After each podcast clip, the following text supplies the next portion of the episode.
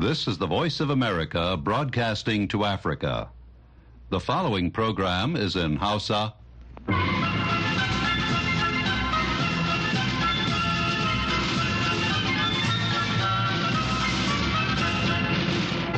Sashen Hausa na murya Amurka ke magana daga nan birnin Washington DC. Masu sauraro Assalamu alaikum barkanmu da wannan lokaci. Yanzu ma Muhammad Hafiz Baballe ne tare da Sarfila Hashim Gumel da sauran abokan aiki ke farin cikin gabatar muku da wannan shirin na daren yau Asabar. Bayan labaran duniya za mu kawo muku shirin zauren BOA da Madina Dauda ta shirya za ta gabatar. kamar kowace rana asabar ibrahim kalima si garba zai shigo mana da shirinsa na amsoshin tambayoyinku amma kafin nan sai a gyara zama sauran labaran duniya daga bakin sarfil hashim gumel to jama'a salamu alaikum. Da fatan an yi lafiya. Ga labaran duniya. Sojojin ukraine sun ce suna janyewa daga birnin adifka da ke kudu maso gabashin ƙasar yayin da rasha ke ruwan mamai inda ta kara da cewa matakin bai bayar da wata nasara ga rasha ba. Babban kwamandan ukraine alexandra sersky ya wallafa a shafin facebook cewa an zanye sojojin ne don gujewa mamaya da kuma kiyaye rayuka da lafiyar ma'aikatan. Alexandra tarnasinki kwamandan sojojin ukraine na yankin kudu maso gabas ya bayyana ɓangaren adabka a matsayin mafi tsanani a dukkan tungayen wanda ya kai kimanin kilomita dubu ɗaya daga baya a ranar juma'a tarnafansky ya ce an ci gaba da gwamza alamun fada kuma rasha ta ci gaba da shafa biranen a zahiri daga doron ƙasa. Ya kuma yi kirarin cewa a ranar juma'a kaɗai sojojin ukraine sun daƙila hare-haren rasha fiye da talatin. Sama da mutane ɗari ne aka tsare a duk faɗin ƙasar rasha bayan da suka yi yunkurin ajiye furanni wurin bikin karamawa jagoran 'yan adawa alexei navalny. A cewa wani rahoton kamfanin lancin labarai na associated press a yau asabar. Karkashin kulawar 'yan sanda daga baya ma'aikata sun cire furanni na tunawa da jagoran in ji kamfanin dillancin labaran. Wata ƙungiyar kare haƙƙin ɗan adam ta ƙasar rasha ovd info ta faɗi a cikin wata sanarwa da ta fitar an mayar da navalny zuwa ɗaya daga cikin manyan gidajen yari na rasha mafi tsanani. Sanarwar ta ce a cikin watanni 37 da ya yi a tsare navalny ya shafa kwanaki 296 a gidan yari mafi azabtarwa. A cikin irin wannan yanayi babu buƙatar a saka guba ko kisa ta hanyar tashin hankali kawai dole ne a jira. Shugaban amurka joe biden ya mayar da martani a ranar juma'a ga labarin mutuwan labalni inda ya zargi shugaban rasha vladimir putin kai tsaye tare da yin amfani da mutuwar wajen tsawatarwa 'yan majalisar wakilan amurka da su ci gaba ba da tallafi ga ukraine. Rundunar sojin isra'ila ta faɗi yau asabar cewa dakaranta sun kama sama da mutane 100 da ake zargi da aikata ta'addanci a asibitin nasir da ke kan yunis. Rundunar tsaron isra'ila ta ce an kashe mutane da dama a binciken da ake yi a asibitin. Rundunar ta idf ta kuma musanta zargin cewa sojojinta sun kai hari kan janareton asibitin. Rahotanni dai sun bayyana cewa sojojin ƙasar isra'ila sun kai hari kan injinan janareta kuma gazawan na'urori yayi sanadin mutuwar mutane a asibitin. Ma'aikatar lafiya ta gaza ta ce kusan mutane dubu ashirin da tara ne akasarin su mata da ƙananan yara suka mutu tun bayan da isra'ila ta kaddamar da yaƙi akan hamas. Bayan da harin da hamas ta kai na isra'ila ranar bakwai ga watan oktoba inda aka yi garkuwa da mutane kusan hamsin tare da kashe dubu ɗaya da ɗari biyu. Labaran duniya na zuwa muku ne daga nan sashen hausa na muryar amurka a birnin washington dc shugabannin ƙasashen afirka sun buɗe wani taro na kwanaki biyu a ranar asabar yayin da nahiyar ke kokawa da juyin mulki da rigingimu da rikicin siyasa da kuma zaman ɗarɗar a yankin.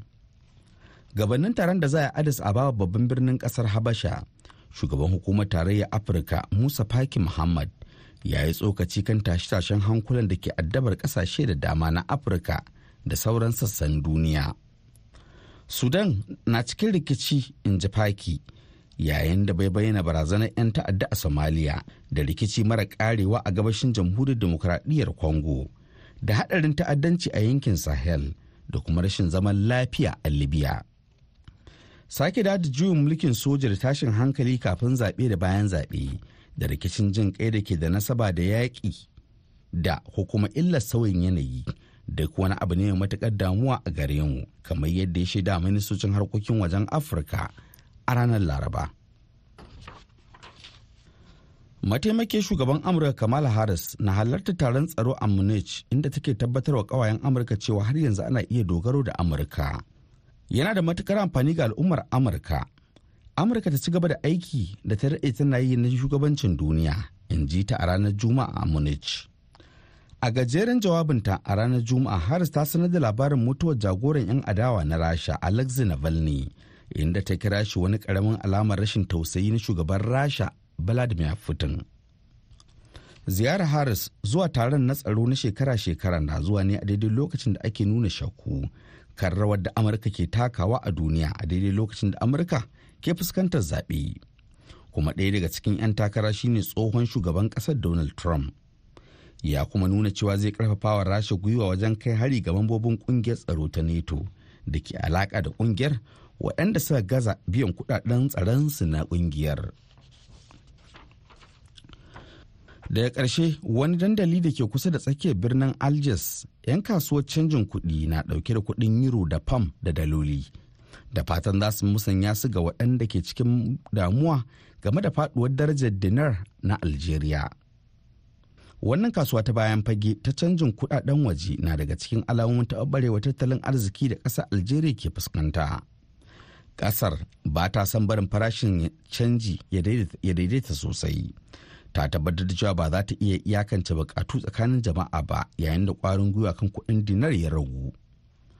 Faduwar darajar kuɗin na nuni da yadda al'umma algeria ke gaza sayan komai na amfanin yau da kullum yayin da gwamnati ta mai da hankali kan wasu abubuwa da suka sa a gaba. Ƙasar da ke arewacin afirka mai arzikin man fetur ana raɗe 'yan kasuwa na zubar da ƙauna sayar da kadarorinsu da kuma yin sama da faɗi da kuɗin euro a kasuwannin canji don kada dukiyarsu ta makale. Jama'a masu matsakanancin ra'ayi su ma suna dogara da euro da daloli don siyan abubuwan da suka kare kamar magani da wasu kayayyakin mota ko wasu nau'in abinci.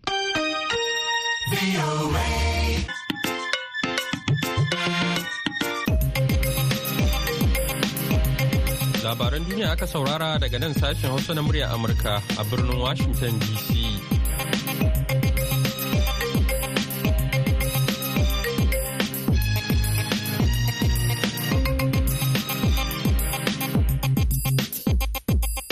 Bari mu koma gefe guda Madina Dauda ta gabatar mana da shirin zauren BOA.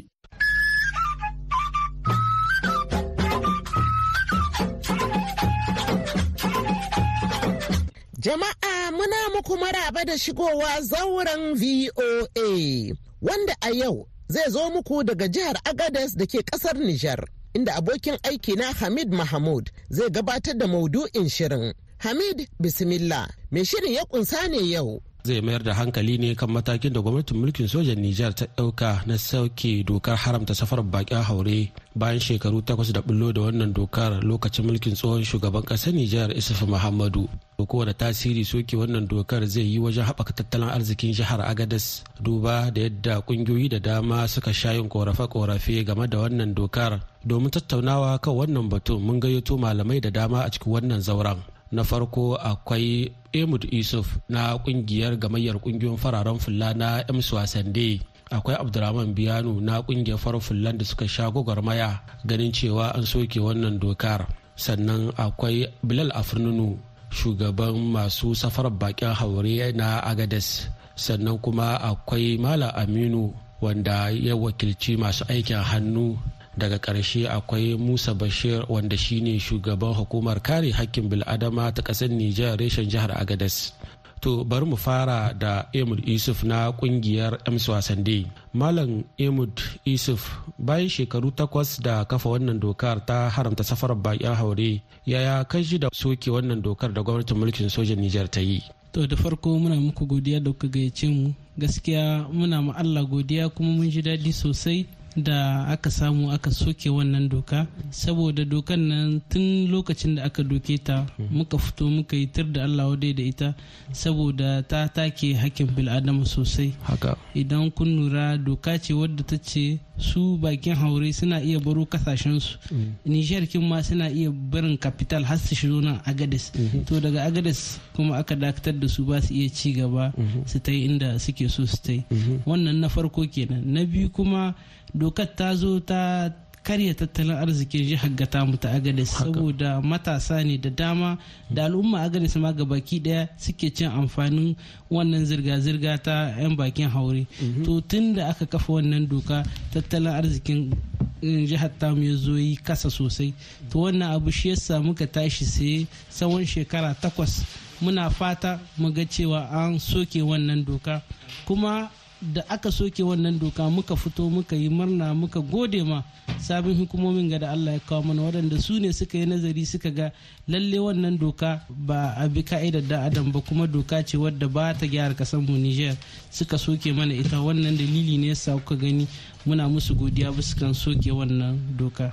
Malam Musa Bashir da kake shugabantar hukumar kare hakkin bil'adama ta ƙasar Nijar reshen jihar Agadez. Kun shayin tsokaci a kan cewa wannan dokar ta haramta safar bakin haure ta saba wasu dokoki na ƙasa da ƙasa. wannan doka ta saba ma sauran dokoki na ƙasashe wanda muka sa hannu a ciki. Kamar kwadi ba kama a lokacin na akwai protocol na sediyawo nijar ta saka hannunta ciki. Kenan bai kamata ba dan mamba na ƙasar sediyawo idan ya shigo ƙasar nijar ya kasance ba zai iya tsallaka ba ƙasar nijar to mu muna ganin kamar an take hakkin bil'adama a ɓangaren tafiye-tafiye. Tunda kamar an kwadiba a declaration universal na droit de l'homme article 13 alinéa 2 ya ce duk adam ya da izinin ya tafi ƙasar da yake so kuma ya dawo. Lokacin da yake so ƙasar shi. Amma kowace kasa tana da izini ta dan sa irin ya dokokinta na yadda za a shigo mata kasa ko ta ce sai da visa ko sai da card d'identité ko sai da fasfo kowace tana iya ba da irin kamar tsarin yadda ta so a shigo ƙasar ta. Amma mu da yake mun sa hannu a religion CDAO kenan bai kamata ba a ce wanda ya huto da kasan Mali ko nan ƙasar Togo a ce a idan ya zo Agaris zai zama matsala a gare shi na ya wuce. Wannan ga inda doka ta saba. Kenan mu yau murna ne zami soke wannan dokar da aka yi saboda yanzu in Allah yarda mutum ya tsallaka Agaris lafiya lau ya ce sha'aninsa. Idan muka koma wurinka malam bilal a fununu kana shugaban ƙungiyar masu safar bakin haure a jihar agadas shi wani tasiri soke wannan dokar zai yi game da safar bakin haure a jihar ta agadas yanzu dan ka sani ka shiga bakin tasha ko kaso bisa shi ko bakin kaso tol mutane kamar nan aka yi su ma. Baka ce yi su wani wuri. Kenan wannan abun da ake faɗi na mutane mu ba mu gane shi ba. Mun ga iko ma da kanshi yanzu. Ya sassafta ma mutane hanya da yawa. Ka je yanzu ka ga mota kamar kuda har a rataye jikinta. Kuma ba nigerian ba ne. Mun san na Nigeria ne ko na Mali ne ko na ko ina ne. Mu da muke bisa hanyoyin nan wannan abu ba mu gan shi ba. Jin shi dai muke ana ririya shi ana sashi karhi. Wannan soka doka mu za mu ce wallahi magana cikakka gare ni ya kawo sauƙi sosai ga rayuwar mutane ma da tahinsu da sun saki walwala ta samu gare su. Lalle ba a rasa wani abu kadan kadan wanda ba za a rasa shi ba. Kenan wannan dole ne akwai shi kullum kowace kasa ma. Amma alhamdulillahi za mu ce mu ta ɓangaren namu mun gode ma Allah. Da yake ya kawo mana sauƙi abu da yawa. Da da babu shi. Masi da yawa da komi da yawa yanzu babu shi. Kowa dai ya saki kanshi yana kiyo kawai mutane su zo su wuce su zo su komo su wuce gidansu su zo su ta yi urin bidarsu. Ba mu ga masi ba. Na ce maka wani abu ce na ga masi a'a ban gane shi ba. To muko rishin masi muke so.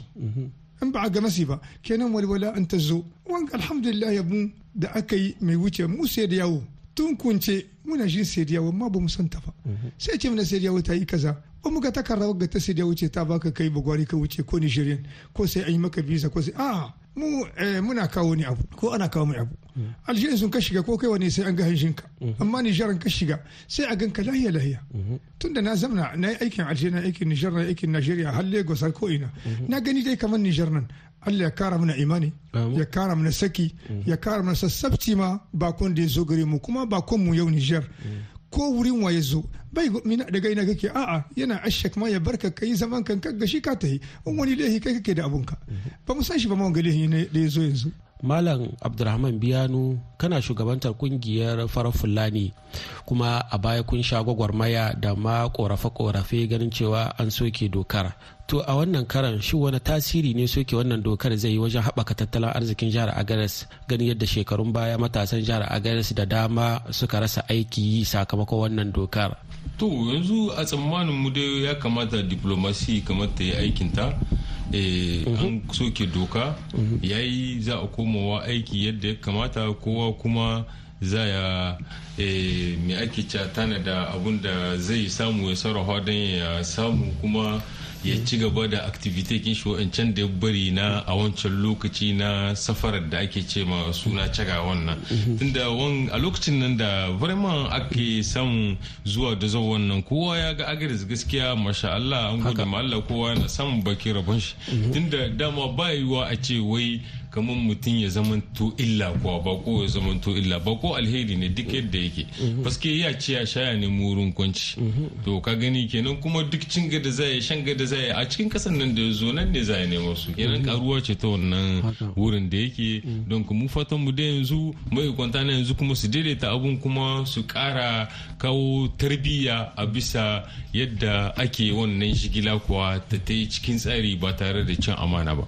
Da wannan bayani na Malam Abdurrahman Diallo za mu dakata a yau idan Allah ya kai mu makon gobe za mu ci gaba a madadin daukacin ma'aikatan sashen Hausa na muryar Amurka da Hamid Mahmud wanda ya haɗa shirin daga jihar Agades na ƙasar Nijar sai Solomon Abo wanda ya daidaita sautin shirin. Madina Dauda ce ke cewa mu huta lafiya.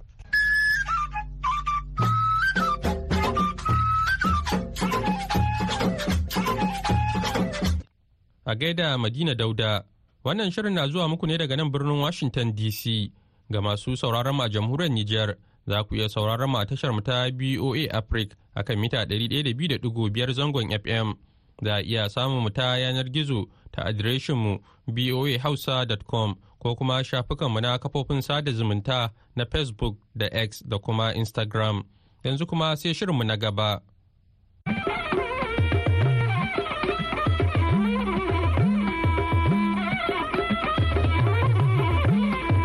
Masu sauraron mu Assalamu alaikum barkanmu da sake saduwa da ku a wannan shiri na amsoshin tambayoyinku. VOA Hausa ku bani tarihin shahararren malamin addinin musulunci nan mai suna Mufti Ismail Menk. Na ga an ce shi ɗan asalin ƙasar Zimbabwe ne, kuma na ga shi balarabe ne. Wai shin koya aka yi aka haifu a ragaya?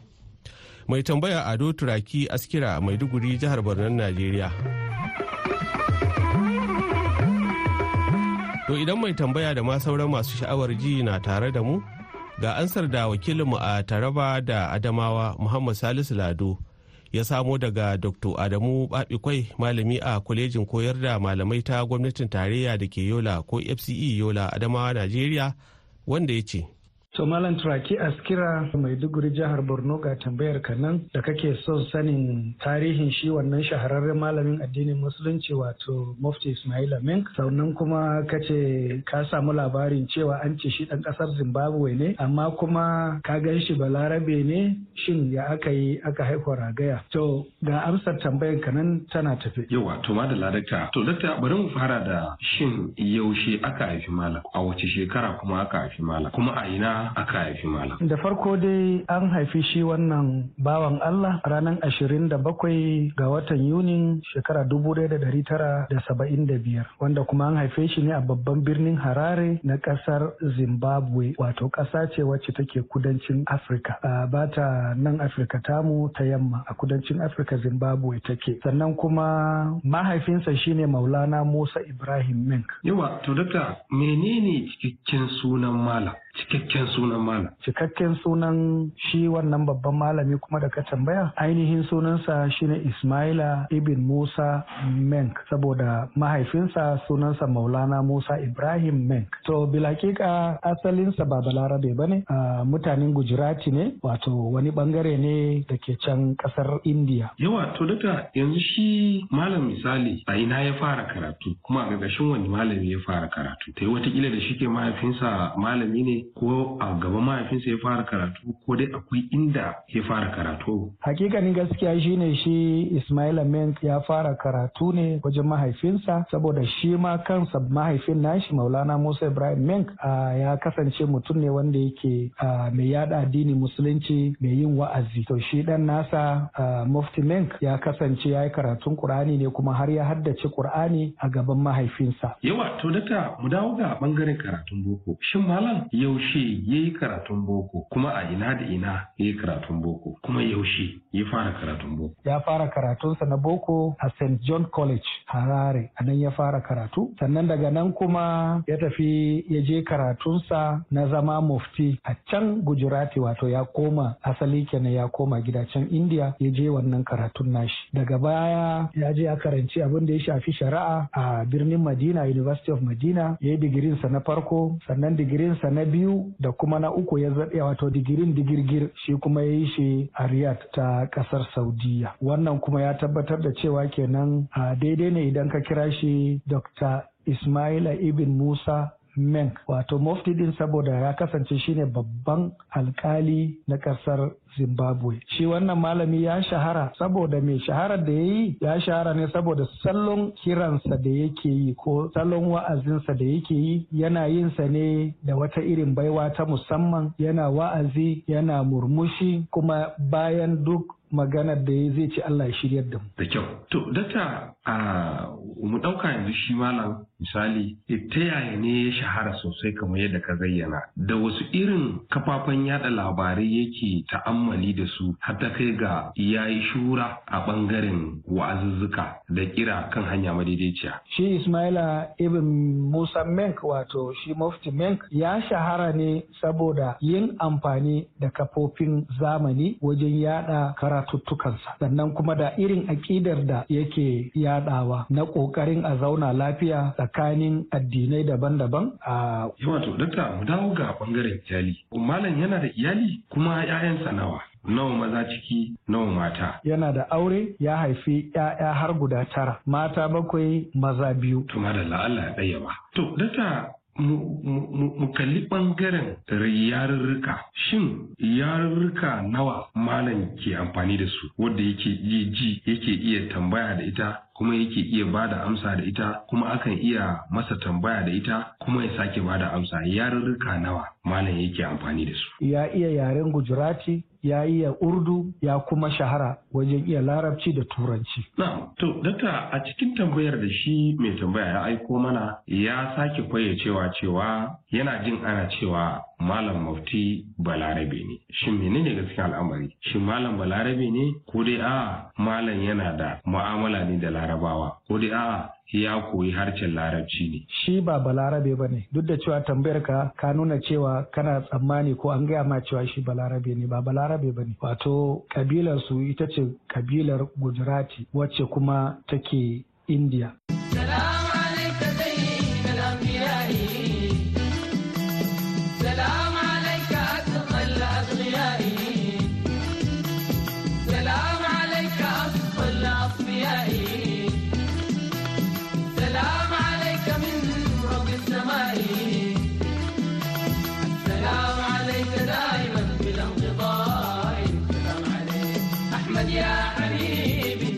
سلام عليك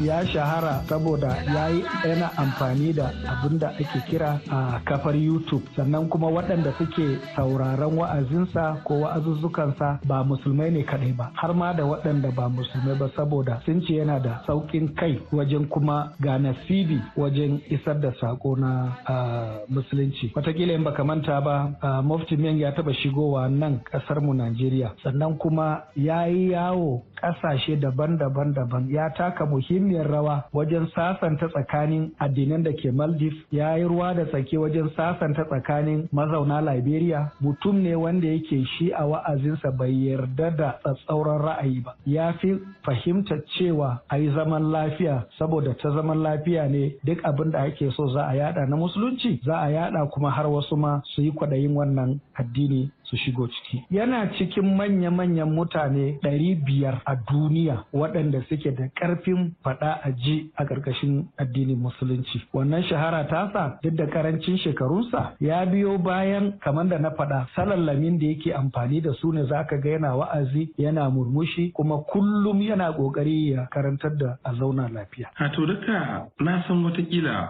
ko malam ya fuskanci wasu ƙalubale wadda suka addabi rayuwarsa a waɗannan nasarori da ya samu? To in ya samu wani irin ƙalubale ne ya fuskanta kuma yaushe ya fuskance su. A 'yan shekarun baya a Mink ya samu matsala saboda kyamatar da ya nuna misali da 'yan luwaɗi. Wannan ya sa da ya nemi shiga ƙasar Singapore suka yarda ya shiga. Wannan ɗin kuma ya sa wasu sai suka fara masa kallon wani abu daban amma daga wancan ɓangare waɗanda suke luwaɗi da maɗigo 'yan waɗannan ƙungiyoyin saboda ya fito ya soki abin da suke yi. To wani abu dai da na binciko shine mufti menk al'amuran da suka shafi iyalinsa bai cika nunawa ba. Don haka yana da wuya a ce maka ga matarsa amma dai lalle na binciko na samo mana cewa ya haifi 'ya'ya har sun kai guda tara amma ba za a iya ce maka ga wacce ce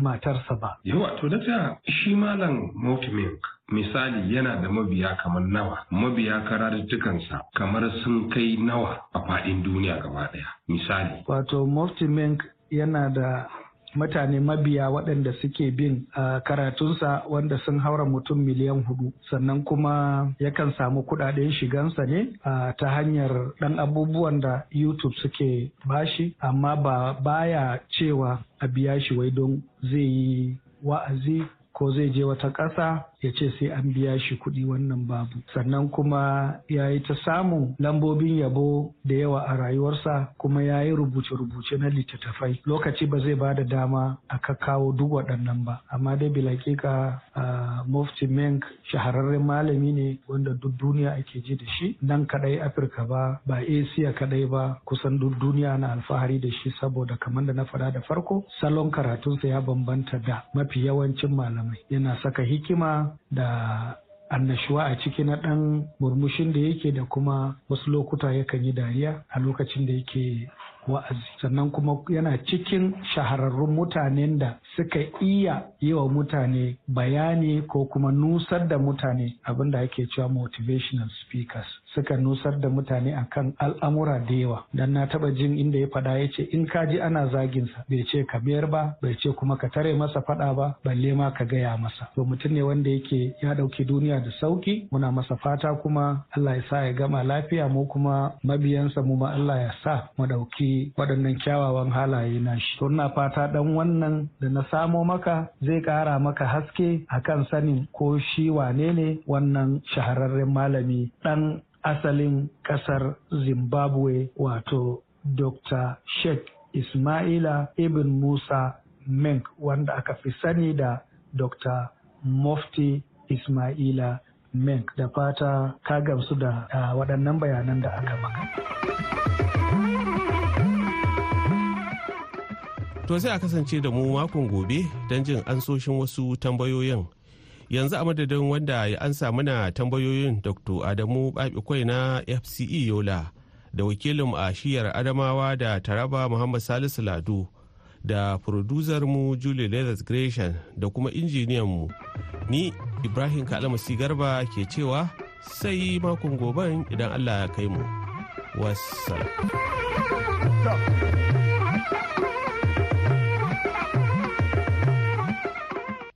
Ta gaida Ibrahim Garba. Masu sauraro a nan muka kawo ƙarshen shirin namu na yau sai kuma goben Allah ya kai mu za ku ji abokan aikinmu ɗauke da wani sabon shirin. Yanzu a madadin Sarfil Hashim Gumel da ya karanto labarai da Fiona wa mayi da ta ba da umarni da ma injiniyan mu na yanzu ne Muhammad Hafiz Baballe ya cewa ku kwana lafiya.